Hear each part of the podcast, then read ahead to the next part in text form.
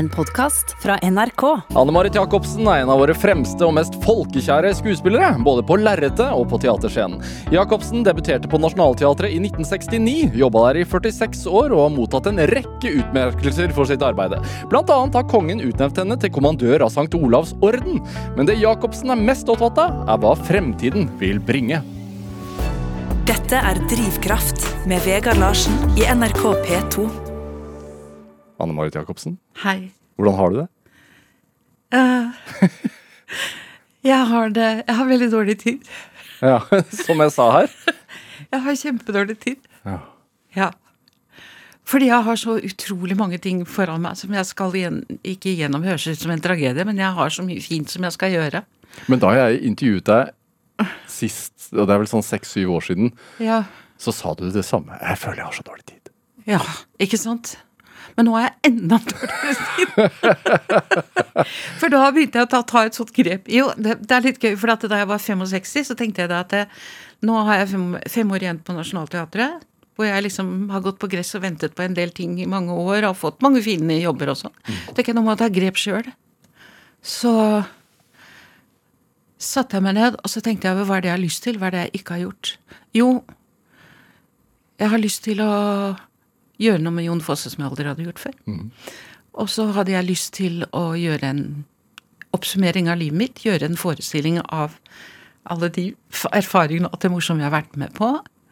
Og det tredje, jo, det var en bok som jeg leste. Det var da jeg fikk den ideen. Det var eh, Kjersti Anne Annesdatter Skomsvold som eh, hadde skrevet 'Jo fortere jeg går, jo mindre er jeg'. Og alt det der har du jo gjort. Ja, det har jeg gjort, og det vet du hva, alt sammen ble kjempesuksess. Ja. Og så plutselig så var jeg Og så tenkte jeg dette, nå må jeg tenke på nytt igjen. Så nå er jeg i gang med så Og så får jeg, etter at jeg har blitt pensjonist, så er jeg plutselig altså Folk har så lyst til, har lyst til å jobbe med meg. Det er jo et kjempekompliment, og det er jo så kjempegøy. Men jeg har dårlig tid, så jeg, og så vil jeg gjøre en stor ting til. Altså, bare fortell, Vi snakker om drivkraft og sånn, for jeg har litt sånn impulsive handlinger. Hvordan da? Hva, hva, har du et eksempel? Ja, jeg har et kjempeeksempel. For det var i sommer så var jeg på en utstilling på Soli bruk i Fredrikstad, eller i Sarpsborg ligger det vel. Og så kom jeg inn i et rom hvor det sto noen skulpturer som jeg bare ble fullstendig satt ut av. Hvordan så det ut? Og hun heter Marta Runemark, svensk kunstner. Hvordan så de skulpturene ut? Ja, nå skal jeg forklare først. Hvordan så de ut? Det var altså, det er omtrent Så jeg ble forelska i en, og den kosta 50 000 kroner.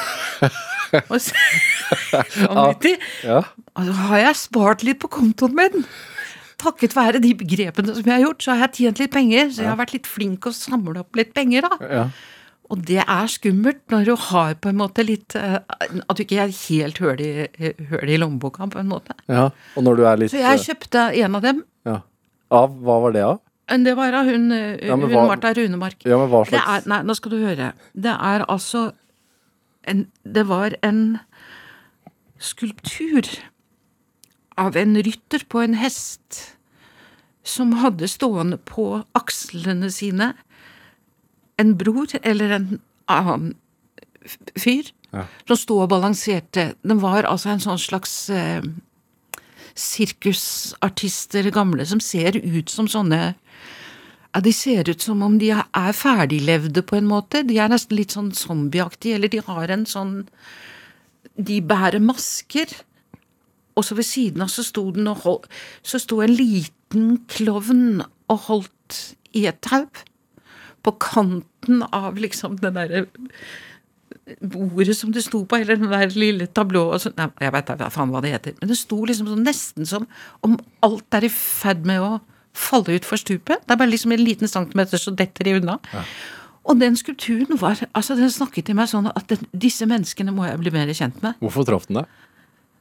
Hvor, hvordan den traff meg? Ja, hvorfor? Nei, jo, ja, det var noe Men jeg bare fortelle historien Ja. ferdig. Fordi at jeg kjøpte den ene.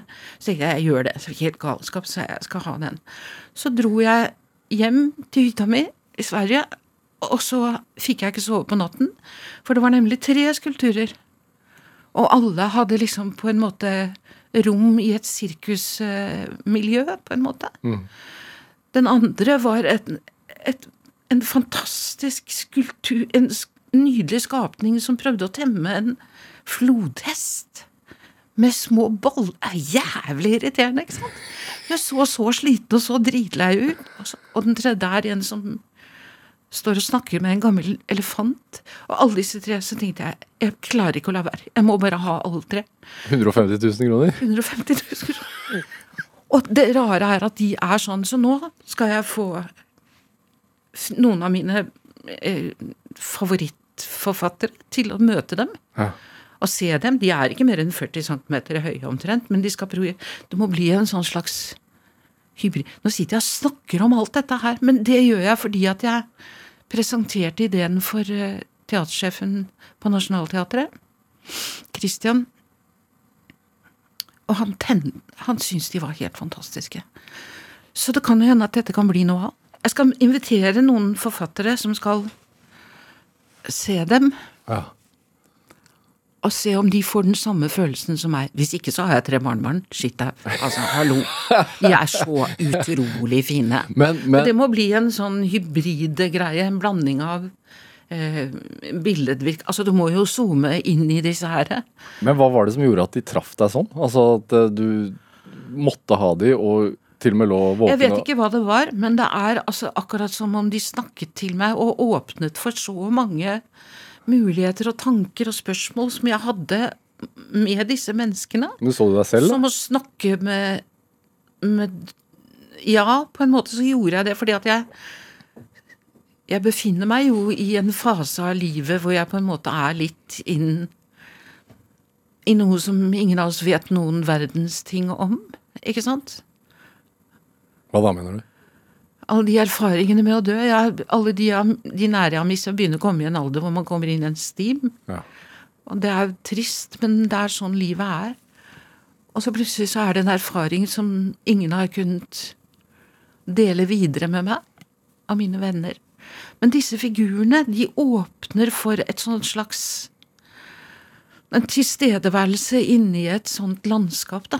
Og det kan også være en noe retrospektivt i forhold til disse menneskene som har levet i en underholdningsbransje eller en, en fantasiverden, en eh, Alt det som har med teater å gjøre. Det er eh, noe av det Så sterkt har jeg aldri reagert på noe sånn kunst før, tror jeg. Så gjorde jeg det, altså.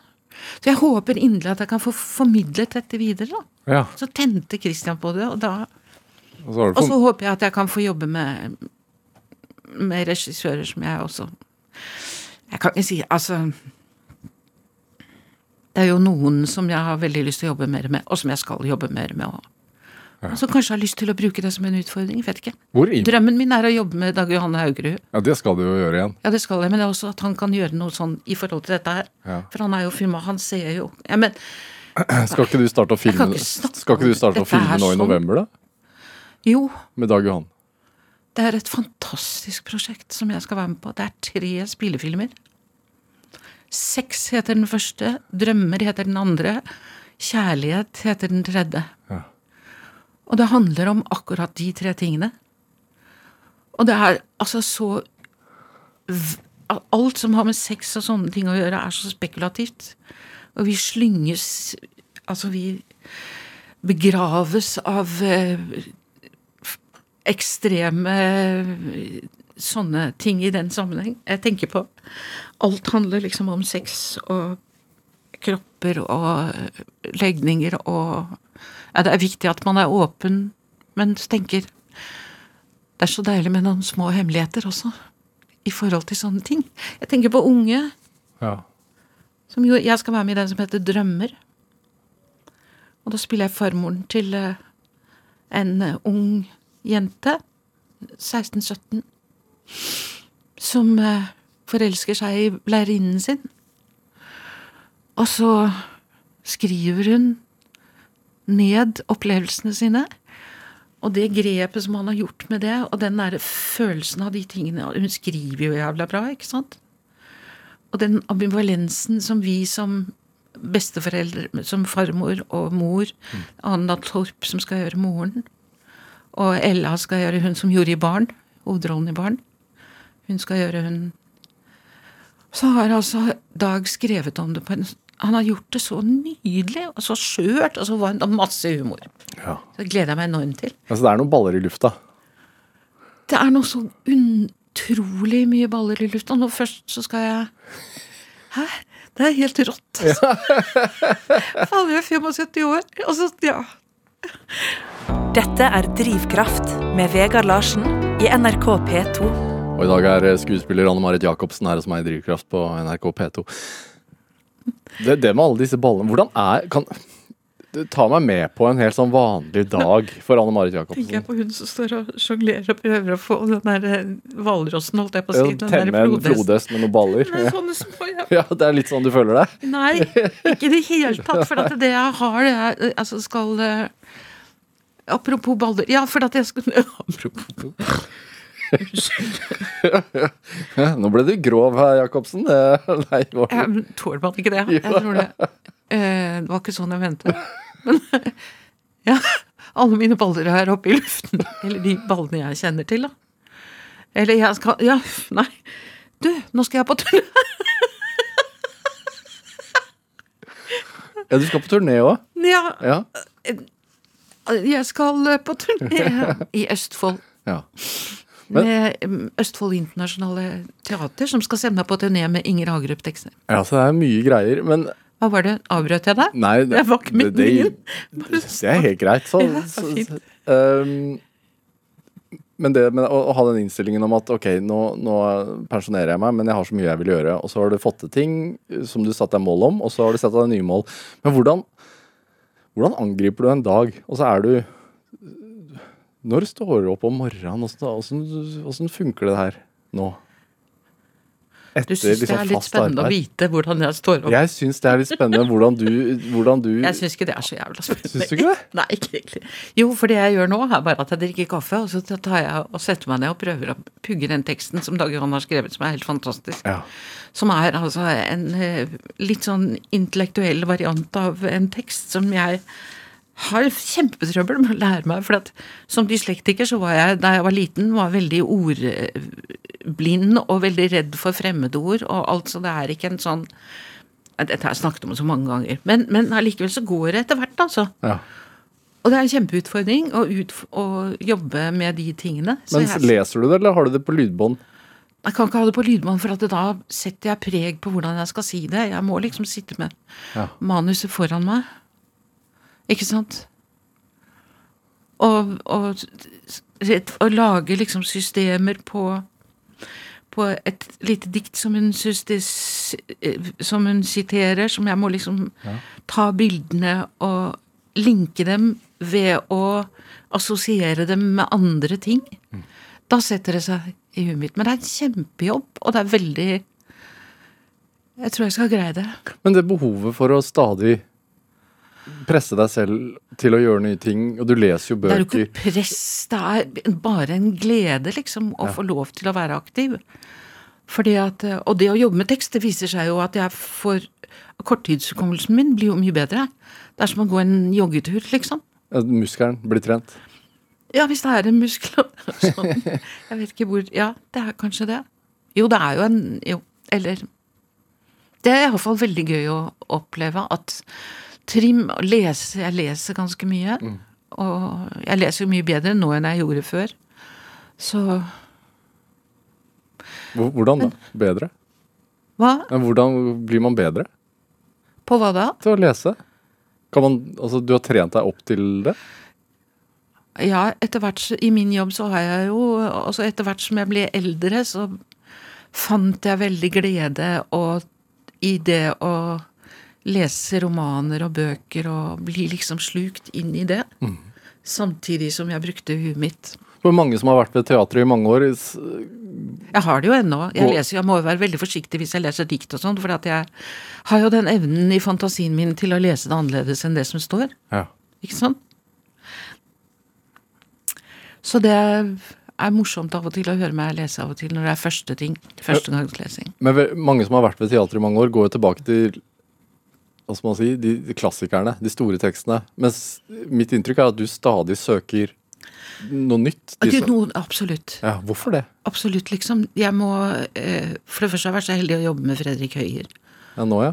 Ja, eller f før også, lenge. Og jeg skal kanskje jobbe med han i forhold til Kanskje jeg skal jobbe med han i forhold til eh, Han er en av de som jeg skal vise disse skulpturene til. Og leser masse, og så leser jeg sånne Og så leser jeg eh, Får tak i Altså, Dag Johan tipset meg om uh, Ingel Johansen, som skriver Jeg elsker sånne små prosatekster. Og det er det Inger Hagen med 'Østen for kjærlighet', for det var ut fra en bok som heter 'Prosa gjennom 30 år', som jeg fant i hylla mi, som jeg hadde kjøpt en gang jeg gikk på teaterskolen eller noe sånt nå. Impulskjøp det også, kanskje? Impulskjøp? Nei da, ikke helt full, jeg er ikke helt bare impuls... Jeg vet jo hvem Inger Hagerup er. Hallo! Du, vet du hva det står for noe her? Forlagt av Aschehoug, står det. Og den fant jeg. altså Det er utgangspunktet for den forestillingen som jeg skal gjøre i Østfold nå. 12. har jeg med Helge Hagerup. Ja. Nei, med, med Unnskyld. Med Inger Hagerup. Og eh, Helge, Helge Lien som spiller piano. Fantastisk jazzpianist. Men så den andre som fant- Det er sånne små Altså det var sånne små prosatekster som man egentlig ikke har hørt så mye om fra Inger. ja. Utrolig fin ding, og pluss masse av de fine diktene hennes. Så Dag Johan ti- tipsa meg på hun her. Og det er noe som jeg har så veldig lyst til å lese for deg. ja det, Får jeg lov til det? Nei, med deg i studio så vet jeg at jeg har ikke noe valg. Ja, for det har noe med alt dette her hysteriet rundt Botox og rynker og alt mulig som jeg er sånn Altså, folk må få gjøre akkurat hva de vil med kroppene sine. Men det er ett element i dette her som jeg syns er så viktig. Ja. Hun skriver I en artikkel jeg nettopp leste, sto det at mennesket er i stand til å lage 250 ansiktsuttrykk for de følelsesmessige bevegelsene som finnes i dets indre. En rad med små muskler står på en eller annen måte i forbindelse med de følelsene vi til enhver tid bærer på. Et, etter uttrykkene som ble beskrevet i artikkelen å dømme, ligger de fleste av disse musklene rundt øynene våre og munnen vår. Det er her det skjer. Det er i disse områdene vi ser ut til å kunne uttrykke mest. Er det glede vi føler, vil den indre delen av øynebrynene våre trekkes ned. Det nederste øyelokket vårt løftes, pupillene våre blir store, øynene begynner å skinne og munnvikene løfter seg. Når det gjelder bitterhet, står det at pupillene våre blir små, at øyelokkene våre trekker seg sammen og leppene våre smalner, og at munnvikene begynner å peke svakt oppover.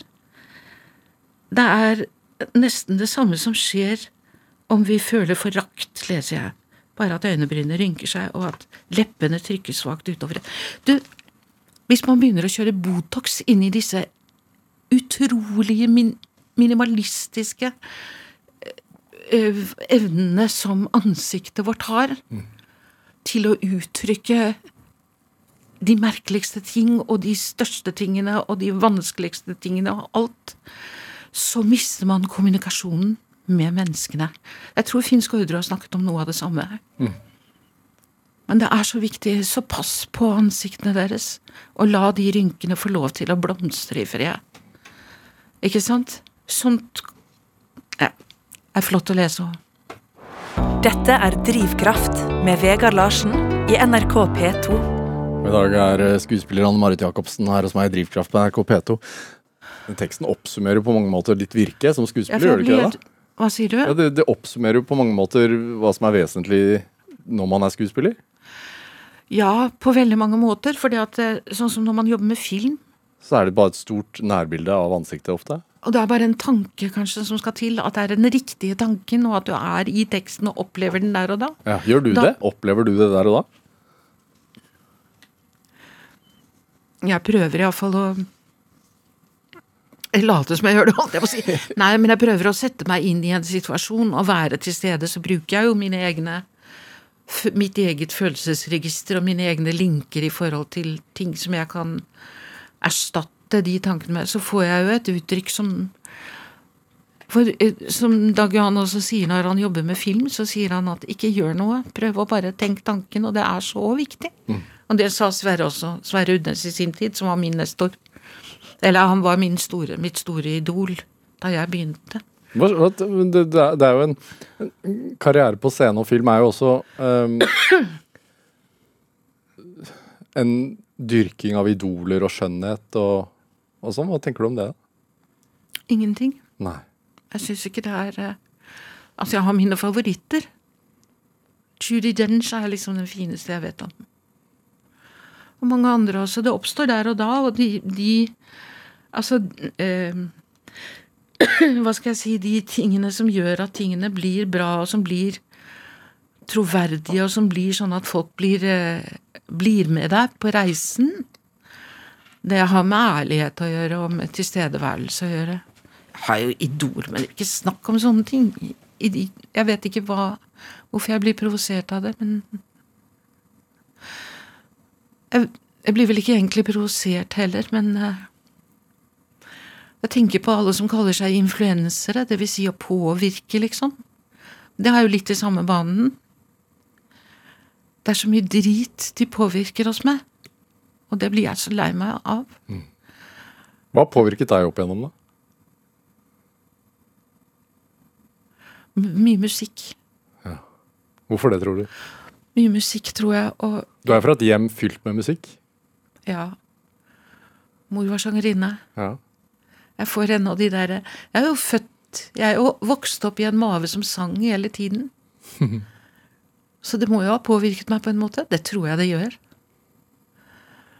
Hun sang Og det var faktisk akkurat da hun gjorde Haugtussa, Garborg, i sin tid. Og hun var, sånn Hun var så ydmyk i det den jobben at jeg tror hun brukte flere år, nesten fire eller fem år, på å tørre å ta det opp og gjøre det, for hun hadde så respekt for teksten. ja. Hun mor Randi Heidesen. Ja, Og hun var på en måte en formidler av de store når det gjaldt tekst. Hun er blitt brukt som eksempel på Musikkhøgskolen og sånn, som en som Ja. Lærte hun deg formidling av tekst? Hun sa Det har jeg sagt før også. Jeg, man, når man blir gammel, så gjentar man seg. Men det får ikke hjelpe. Hun sa det at du skal strekke deg så langt mot stupet som du kan, men aldri få følelsen at du faller over. Litt som den der eh, lille figuren på den statuen du har kjøpt? Ja, ikke sant. Det har du helt rett i. Det er noe et eller annet med de der, der som linker veldig til min innerste følelse i et eller annet. Både fordi de er i det miljøet de er og har vært hele livet, som jo også jeg har vært en, egentlig en sirkusartist. Og familien til bestemor, Signe Heide, de var jo sirkusartister hele gjengen, omtrent. Musikere og sirkusartister. Så det er noe med det. Jeg er ikke så glad i sirkus selv, egentlig. Eller sånn klovning liker jeg ikke. Men eh, det sårbare ved en klovn liker jeg. En sann klovn, var det ikke det du ble kalt da du fikk St. Olavs orden? Det er jo litt av en ære å få det. Men jeg har også tenkt sånn Jeg sa, jeg vet ikke, det er sånne sitater som jeg lagde meg en gang. Jo mer moro, jo mindre gøy, sa narren og vrengte maska. Ja, hva mente jeg med det? Nei, det får bare stå sånn som det står. For det er noe med den der baksiden også som er. Husker du det? Eh, altså, Hva er det tidligste minnet ditt om at moren din synger? Det tidligste minnet At hun sang i aulaen. På universitetsaula her i Oslo? Ja. Det fantastiske rommet hvor hun hadde en nydelig brokadekjole i blått. Som hun hadde sydd selv. Hun var så kjempeflink til å sy. Jone er en nydelig dame. Å, jeg savner henne. Man møtes ikke igjen etter døden, men man kan møtes i tankene, og det syns jeg er så fint. Sånn tenker jeg mye på nå når jeg blir eldre. Vi... Det husker jeg hun sang. Da sang hun blant annet Haugthuset. vi har jo et uh, klipp av Haugthuset her, skal vi høre? Ja, det det er veldig gjerne. Med mor. Med mor. Randi Eidesen.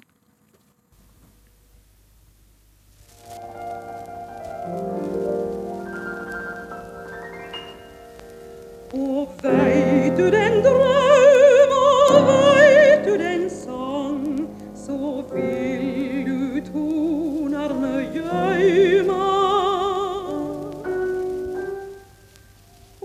be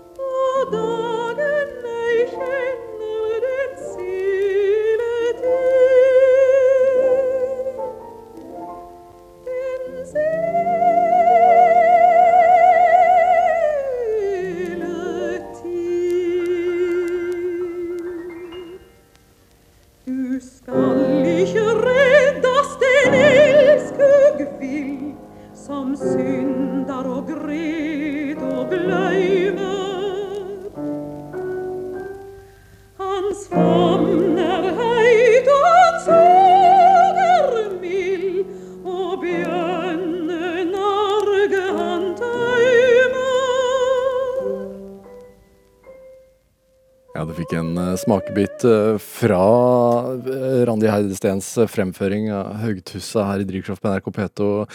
En, en låt vi spiller i dag fordi at eh, Randi Heidestens datter Anne Marit Jacobsen, skuespilleren, er dagens gjest. Det setter i gang noen følelser hos deg. Det er, helt, det er faktisk litt voldsomt, det der, der altså. Det er mora mi, liksom. Som har den enorme skjørheten og den det, det er så troverdig, det hun gjør, syns jeg. Mm. Den galne gutten min ugev dåra. Eg fangen sitt som en fugl i snåra. Den galne gutten han gjeng som baus, han veit at fuglen vil aldri laus.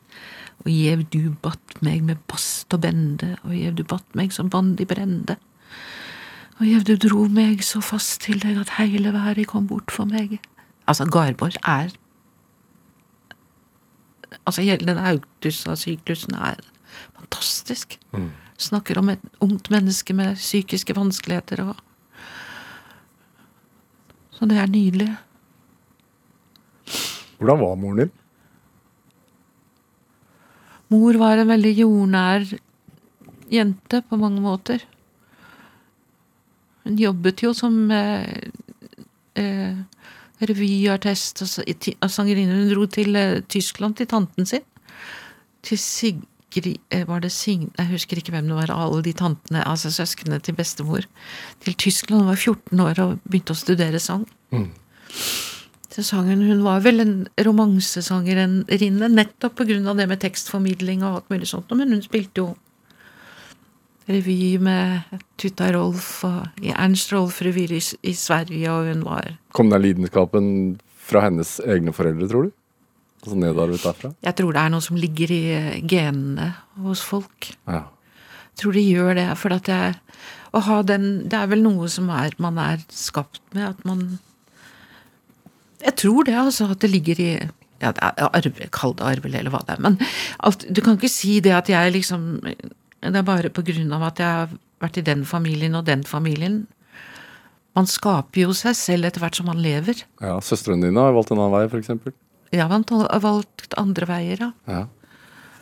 Så man er et resultat av det livet man lever. ja. Og det man velger å utfordre, og det man på en måte Og selvfølgelig så har man, er man skapt med evner til å jobbe videre med det, så er man heldig. ja. Det er jo ikke alle. Alle har andre talenter, og det er liksom mm.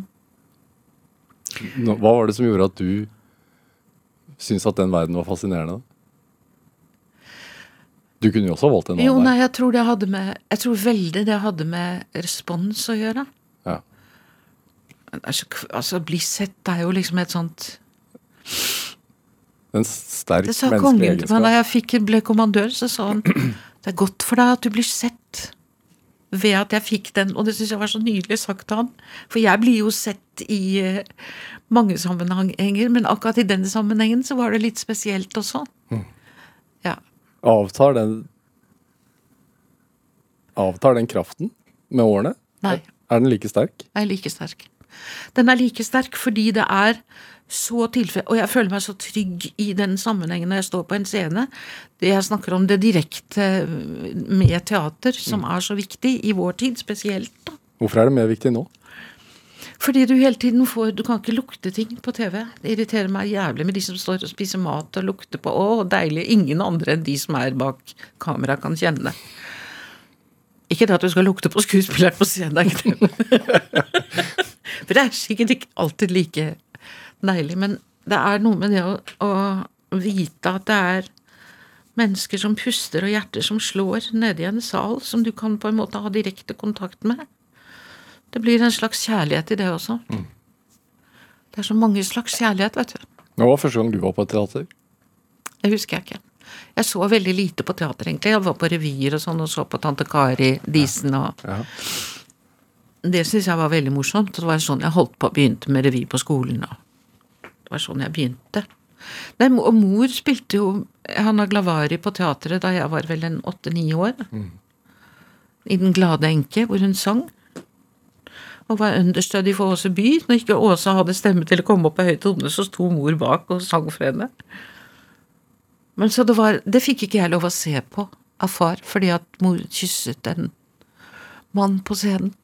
Han var veldig sånn Beskyt, beskytte, beskytte dere. Ja. Beskyttende var han. Det var fint å si det sånn, og ikke For han var ikke noe moralistisk, han var, han var ikke det. Han var bildugger. Han var kunstner, han også. Ja, han var bildugger. Døde altfor tidlig, dessverre. Ja, da du var 21. Men sånn er livet. Hva? Ja, da du var 21, var det ikke noe sånt? Jeg var ikke fylt 21 engang, så jeg var måtte ha verge et halvt år. Men en fin verge, det var Per Pallestorm, også en skulptør, som var fars beste venn. Verge, hvorfor må man ha det? Hva sa du? Hvorfor måtte man ha det? Fordi man ble ikke myndig før man var 21. Så da fikk jeg en stedfortreder for faren min. Ja. Sånn var det. Hvor mye preget det deg? Du var ung. Hva sa du nå? Ja, hvor mye preget det deg? Du var jo veldig ung. Da far døde? Ja. Jeg var 20 og et halvt år og hadde begynt på teaterskolen. Han hadde sett meg litt grann der. Han så meg gjøre, gjorde Villanden på teaterskolen. Ja. Jeg gjorde det først der, og så gjorde jeg det på fjernsynet. Det var altfor tidlig, selvfølgelig. Det preger en jo alltid, sånne ting. Vi hadde akkurat begynt å få voksenkontakt, ikke sant. Snakket om Ja. Men det blir sånn Det er ikke Det er ikke det som er det viktigste, egentlig. Hva er det viktigste, da? Ved livet? Ved å snakke om Ved hva, ved hva tenker du? Ja, men Når du sier at Nei, jeg tenker er at å snakke om sånn Det er fælt å si det, men det blir nesten Ikke klisjé, men det blir litt sånn å snakke om de vonde ting Altså hva, hva har du, hvilke problemer har du, og hva er vanskelighetene dine, og alt. Så da tenker jeg det at eh, livet mitt må ha sine hemmeligheter. Ja. Og det er ikke alltid jeg har lyst til å formidle til andre. Skjønner du? Så jeg føler meg beklemt hvis jeg skal snakke om hvordan jeg hadde det da far døde. ja. Det trenger vi ikke å gjøre. Nei, men du spurte meg. jo, men altså, det er jo alltid trist, det. Jeg tenker jo Siden du er et, har valgt et yrke hvor følelser er såpass vesentlig. Ja, veldig. Og det kan ta overhånd. Ikke ta overhånd, men det er veldig slitsomt. Fordi du Altså, det kommer veldig an på hva slags rolle man har, da. Men noen ganger så kan man jo på en måte Og jeg beundrer disse Jeg, jeg beundrer skuespillere som på en måte kan gå gjennom en sånn eh, Et tordenvær av følelsesliv. eh, Forestilling etter forestilling etter forestilling etter forestilling.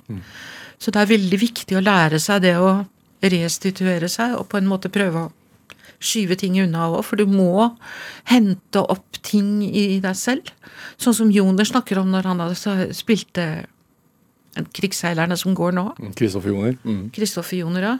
Hvor utrolig tøft en sånn periode kan være. Så det er litt sånn selv, ikke selvpining, men du må hente opp ting som betyr mye for deg. Du har jo også spilt roller om og om og om igjen. altså Lilly Valentin, eksempel. som- Da spilte jeg 312 ganger. 312 ganger. Tenk deg det, du. Og jeg får jævlig lyst til å gjøre det om. Men Det var jo også en, en, en rolle fylt med humor, men også veldig mye alvor. Ja, men det var alvor på en mer litt, litt lettere måte, liksom, egentlig. Ja. At uh, Det var vel kanskje tøffere, egentlig, å gjøre Mathea. Mathea, ja. Ja. Du husker det.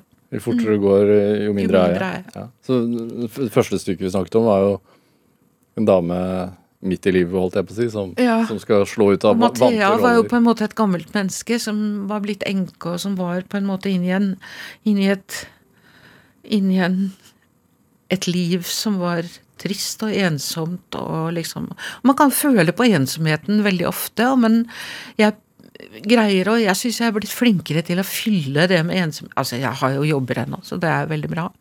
Og samtidig som er det, så er det viktig å kunne være i seg selv og ta meg, ja, så tar jeg meg selv i av og til å trives i mitt eget selskap, hvis du skjønner. Jeg til og med føler at jeg er Du tar deg selv i det. Ja, jeg tar meg selv i det. Skjønner du? Ja. Det blir veldig neppe alvorlig. Det gjør ikke noe. Det er jo liksom en drivkraft, det også. Å kunne godta seg selv som den man er. Altså finne ut av sånne irrganger i en selv som man kanskje har jobbet litt mer med før, og som nå ikke spiller noen rolle lenger. Hvorfor tror du det er så mange for altså, ja, blir, det lett, blir det lettere? Ja, vet du hva, det tror jeg. Jeg, altså, jeg har hørt på en del av dette programmet hvor folk snakker om det at det kanskje Jeg vet ikke om det blekner med tiden. Jeg hadde veldig mye dødsangst før. Jeg har jo det ennå, men den blekner på en måte. For det er en En periode var du redd for å fly? Ja, det er jeg nå. Jeg flyr jo fader ikke. Nei, det gjør jeg ikke. Jeg tar heller og forurenser og setter meg i bilen og Ja, det gjør man jo. Men hvordan har du bearbeidet dødsangsten, da? Nei, det er det jeg ikke vet. For det er liksom Altså, jeg mediterer jo. Det er et, et verktøy som veldig mange burde lære seg. For det på en måte Det gir en veldig stabilitet i sinnet, da. På en måte. Og så går jeg mye ute.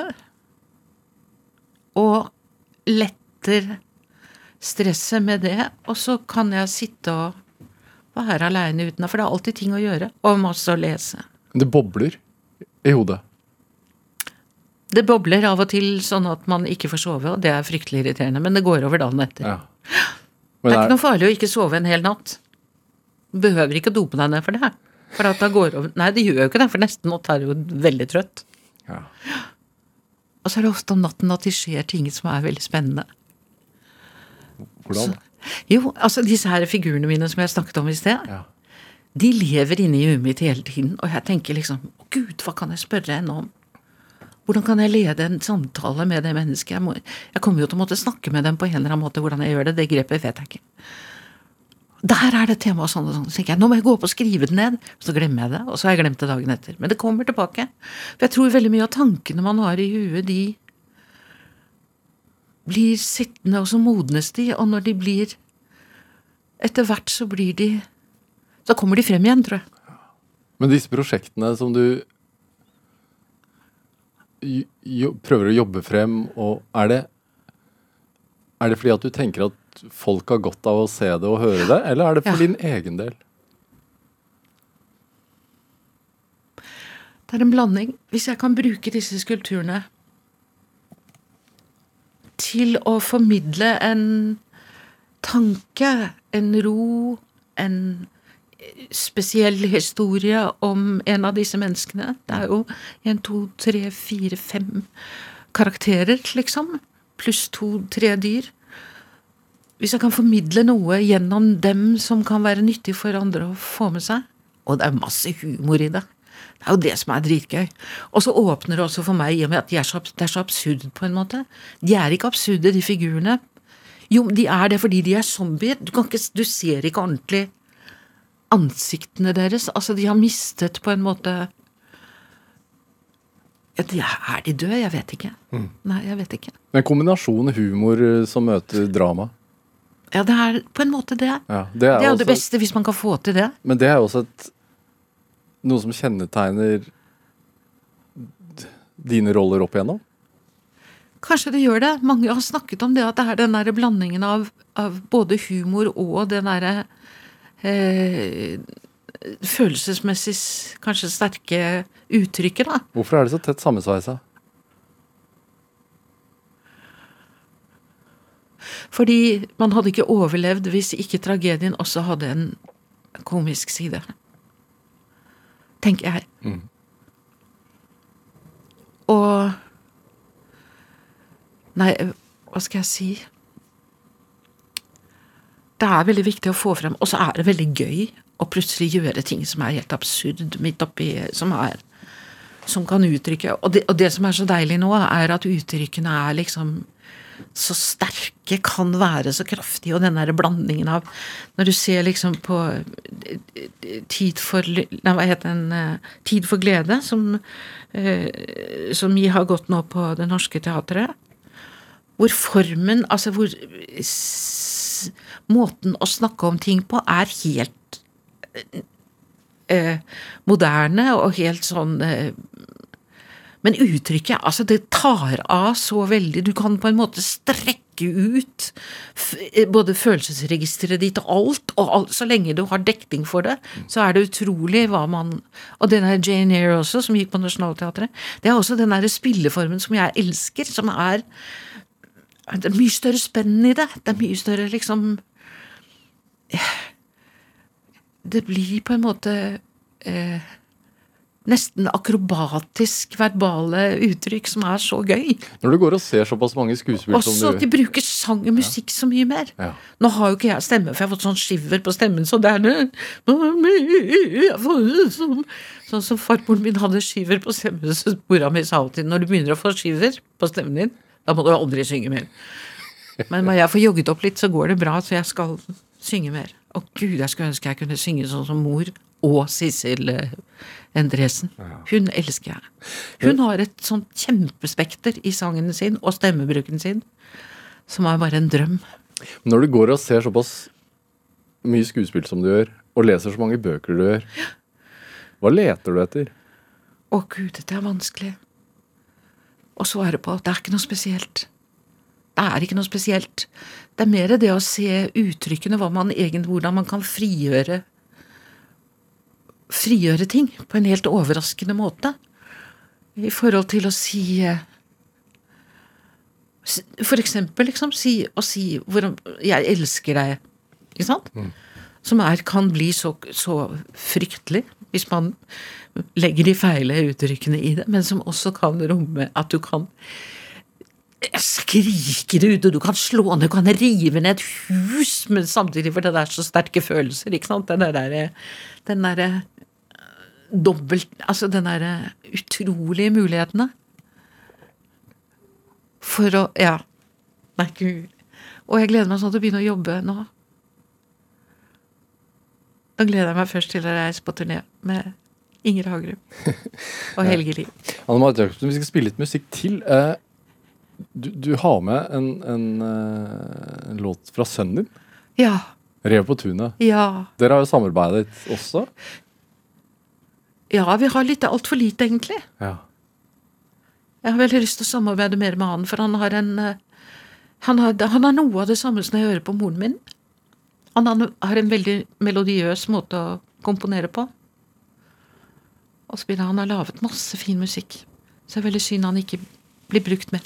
Skal vi høre litt? Ja.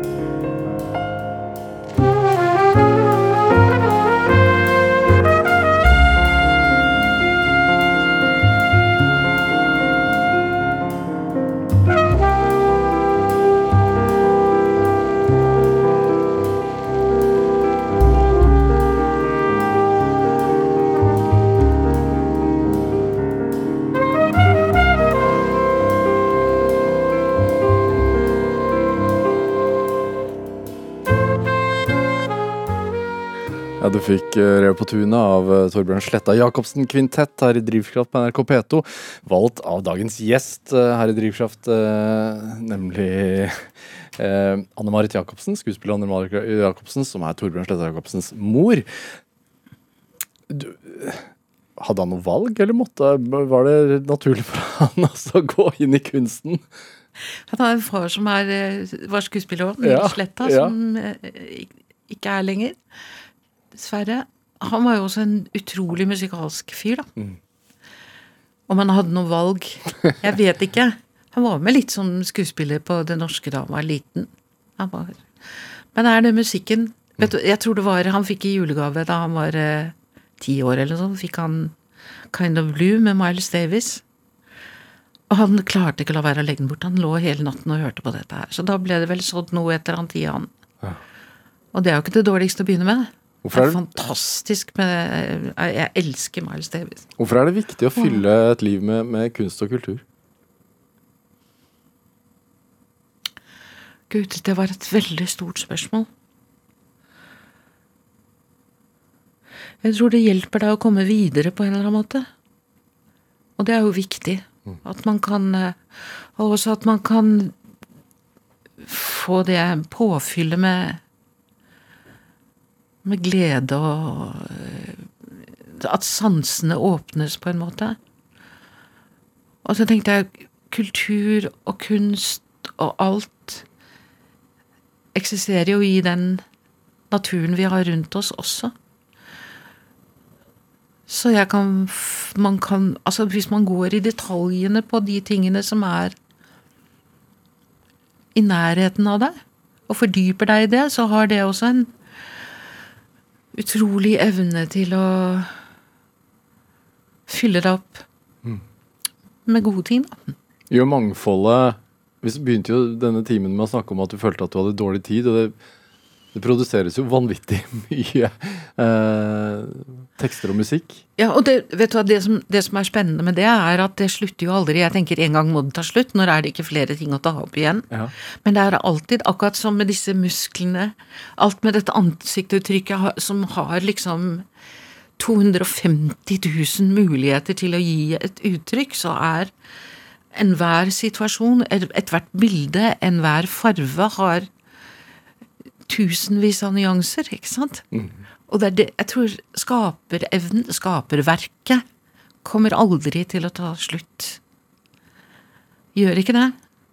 Vil jeg lese noe veldig fint for deg? Ja, ja selvfølgelig. Hans Børli. Ja, vær så god. I forhold til det vi snakker om nå. Ja. Hold sinnet ditt mjukt, sier en stemme i vinden. Ikke la det stivne av år og alder. Smør det med dagens gule soltalg. Dynk det med dogg fra en blomsterkalk. Garv det i motgangs bitre saltlake. Hold sinnet ditt mjukt, som greina i brisen, en hvileplass for fugler med vingen blå av himmelduft. Nei, skjønner du hva jeg mener? Er, han er bare helt utrolig. Og han også snakker noe om døden, som er som jeg, også, jeg har også laget et program med Hans Børli-ting, sammen med Sinikka Langeland, og, mm. ja, som jeg også har gjort med Jon Foss og med alle disse tingene eksisterer og er der ennå. Men han skriver så nydelig om akkurat med det med døden, med disse her skulpturene mine og det som kommer etter et liv og alt det der. Eh, nå har jeg levd lenge nok til å se, høre døden, eller se døden synge i mine årer. Og det er som et stort håp. Så sier han et løfte om å få bo på kontinenter inne i fuglesangen. Skjønner du? Mm, det er fint. Når jeg tenker de tingene, så blir jeg ikke så redd lenger. Og det håper jeg at på en måte det opplevde jeg veldig da jeg jobbet med Jon Fosse, på en måte. At uh, dødsangsten min ble mindre. Og hva det er på den andre siden, det vet man jo ikke, men at det er en, en slags At det kommer etter hvert en slags fortrolighet mm. inn i det, håper jeg. Hvordan jobber man for å holde sinnet mjukt, da? At ikke det hardner til? For det, det gjør det jo for mange. Det er nettopp det du spurte meg om. Ja. Ved kunst og ved musikk og ved naturen. Absolutt. Og åpenhet mot mennesker. Ikke stagnere. Prøve å lytte. Alle de tingene som er positivt i livet. Som man har lett for å glemme, kanskje. Jeg vet ikke. Ja, for disse dager, kanskje. Ja, folk er redde, og det forstår man jo. Jeg er også redd. Men vi kan ikke la det ta overhånd. Vi kan jo ikke det. Det blir veldig alvorlig, men det er alvorlig, så det er ikke noe håp om forandringer og at tingene skal gå bra. Jeg vet du går mye, eller i hvert fall har gått mye. Du har til og med skrevet gåbok.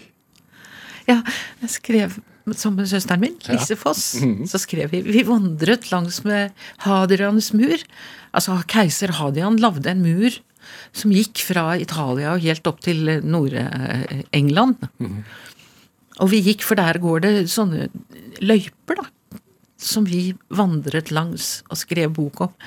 Og det var veldig tøft at jeg turte det. Det var Gyldendal som ga det ut, tror jeg. At de ville ta Hvorfor var det tøft at du turte? jo, for herregud. Jeg som har lest såpass mye av nydelige forfattere, jeg tenker at de tør å at, Nei, at de klarer Jeg vet ikke om jeg tør å vise frem noe jeg har skrevet noen gang. Men så gjorde jeg det, og så sa han nei, men dette må du gjøre mer av. Og så gjorde jeg det, og så dro vi på den turen, og det ble en liten bok av det som het Med fot på Europa. Ja. Det er mange som har lest den, Ja. og som har gått de turene som vi gikk, og det var helt fantastisk. Da måtte jeg fly. Og så kjørte vi. Og du tør jo å vise frem ting du skriver nå. Gjør du ikke det, da? Jo, men jeg er veldig, jeg er veldig litt for Jeg er fryktelig sånn streng på meg sjøl i forhold til det der der. Fordi at jeg er så redd for å drite meg ut, og jeg syns det er Jeg har jo ikke den Jeg har ikke den basen av trygghet i forhold til det jeg skriver, som veldig mange andre har. På grunn av dysleksi og alt mulig sånt. Ja. Men eh, Dag Johanne sier du må skrive med Du må skrive ned. Skriv, Marit. Han er en god venn å ha. En fantastisk fyr. Og så lager han så viktige, fine filmer. Det gleder jeg meg til. men du med din CV, at du er redd for å vise noen hva som er på hjertet ditt, det er jo Ja, men Tror du jeg går rundt og er et menneske som ikke er redd, liksom? Jeg er redd for masse ting, jeg. Jeg er redd for eh, Ja, med min, min CV Jeg har vel kanskje en CV, ja. Det er bare ikke nok. Nei, det er bare ikke nok. Kanskje jeg skal begynne å skrive mye mer. Jeg Ja. må, ja, jeg må gjøre kanskje det. Når jeg ikke kan stå på beina lenger. Bank i bordet. Bang, bang. Anne Marit Jacobsen, hva, hva tenker du er, er drivkraften oppi det hele? Det er livet. Ja. Det er jo det. Hva er det? At det ender opp pumpen her. Hva er livet? Det er det at man ennå liksom Livet er for meg masse muligheter, og at det ennå er så mye ugjort av det, i det faget jeg har. Og så mange utfordringer, spennende ting som er Jeg har lyst til å rive ned masse murer i meg sjøl og på en måte få frem ting som Jeg bare håper at jeg klarer å, ha kapasitet og kondis, rett og slett. Men da får jeg heller gjøre det med dårlig kondis, da. Så blir det jo en, et uttrykk, det òg. Tenker jeg. Men er det, det, er det skapelsen? Ja, Ja. det er den. Skapelsen varer evig. Ja. Inger Hagerup. Anne Marit Jacobsen, tusen, tusen takk for at du kom hit til Drivkraft. Takk for at jeg fikk komme. Hør eh, flere samtaler i Drivkraft på nrk.no eller i appen NRK Radio. Send oss gjerne ris eller eh, ros, eh, og tips til mennesker som du mener har drivkraft. Send en e-posten til eh, drivkraft.krøllalfa.nrk.no.